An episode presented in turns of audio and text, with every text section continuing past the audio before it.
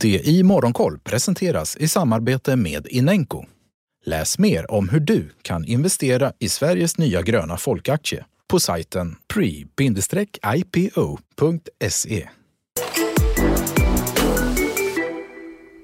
God morgon, välkommen till det i Morgonkoll. Blandad utveckling i Asien. Stockholmsbörsen ser ut att öppna uppåt och terminerna för USA-börserna pekar mot en försiktig öppning i eftermiddag. Men vi ska börja med Clas Ohlson som släppt försäljningssiffror för januari. Den totala försäljningen steg med 7% varav 4% organiskt vilket var mer än väntat. Onlineförsäljningen däremot steg enbart med 3% vilket var ungefär hälften så mycket som analytikerna räknat med.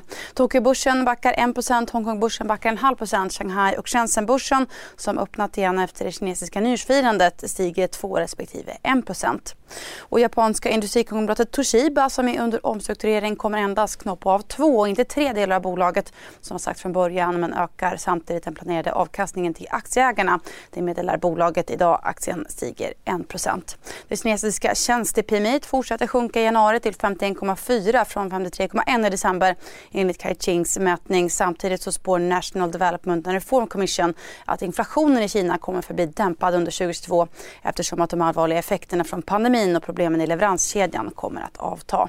Staden Base som ligger på gränsen mot Vietnam i sydvästra Kina blir nu den eh, tredje på två månader som stängs ner efter att man konstaterat ett kraftigt ökat antal nya fall i staden. Och I Australien så förbereder man sig för att öppna upp gränsen för dubbelvaccinerade resenärer. Nordkorea uppges ha stulit kryptovaluta för miljontals dollar genom cyberattacker för att bekosta landets robotprogram. Enligt FNs beräkningar så ska man ha stulit runt 50 miljoner dollar mellan 2020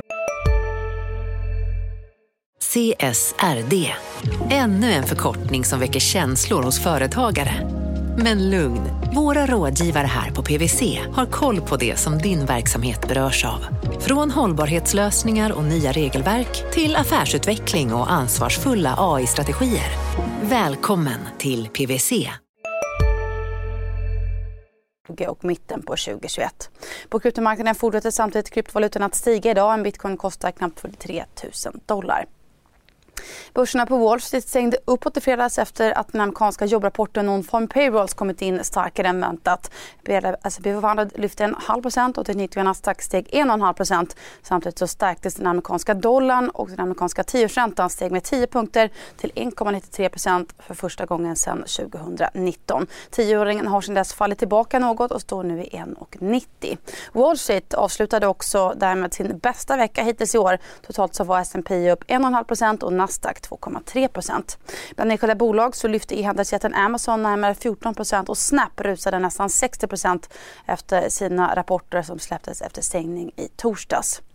Och USAs nationella säkerhetsrådgivare Jake Sullivan varnar för att en rysk invasion av Ukraina är nära. Enligt amerikanska underrättelsekällor så har Ryssland nu 70% av de resurser som krävs för att ta över landet eh, redo vid den ukrainska gränsen. Frankrikes president Emmanuel Macron åker i veckan till Ryssland för att träffa Vladimir Putin för att försöka hitta en diplomatisk lösning på krisen samtidigt som EU diskuterar hur man ska kunna hantera den möjliga energikrisen som kan följa av en invasion eftersom rysk gas står för cirka 40 av den europeiska importen.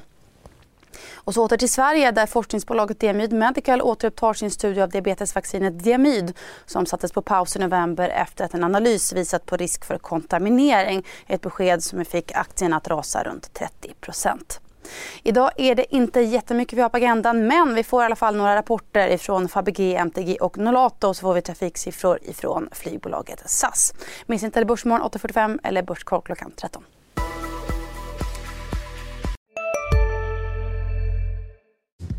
Hej, Synoptik här. Så här års är det extra viktigt att du skyddar dina ögon mot solens skadliga strålar. Därför får du just nu 50% på ett par solglasögon i din styrka när du köper glasögon hos oss på Synoptik. Boka tid och läs mer på synoptik.se. Välkommen! CSRD, ännu en förkortning som väcker känslor hos företagare. Men lugn, våra rådgivare här på PWC har koll på det som din verksamhet berörs av.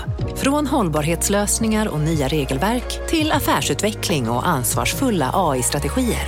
Välkommen till PWC.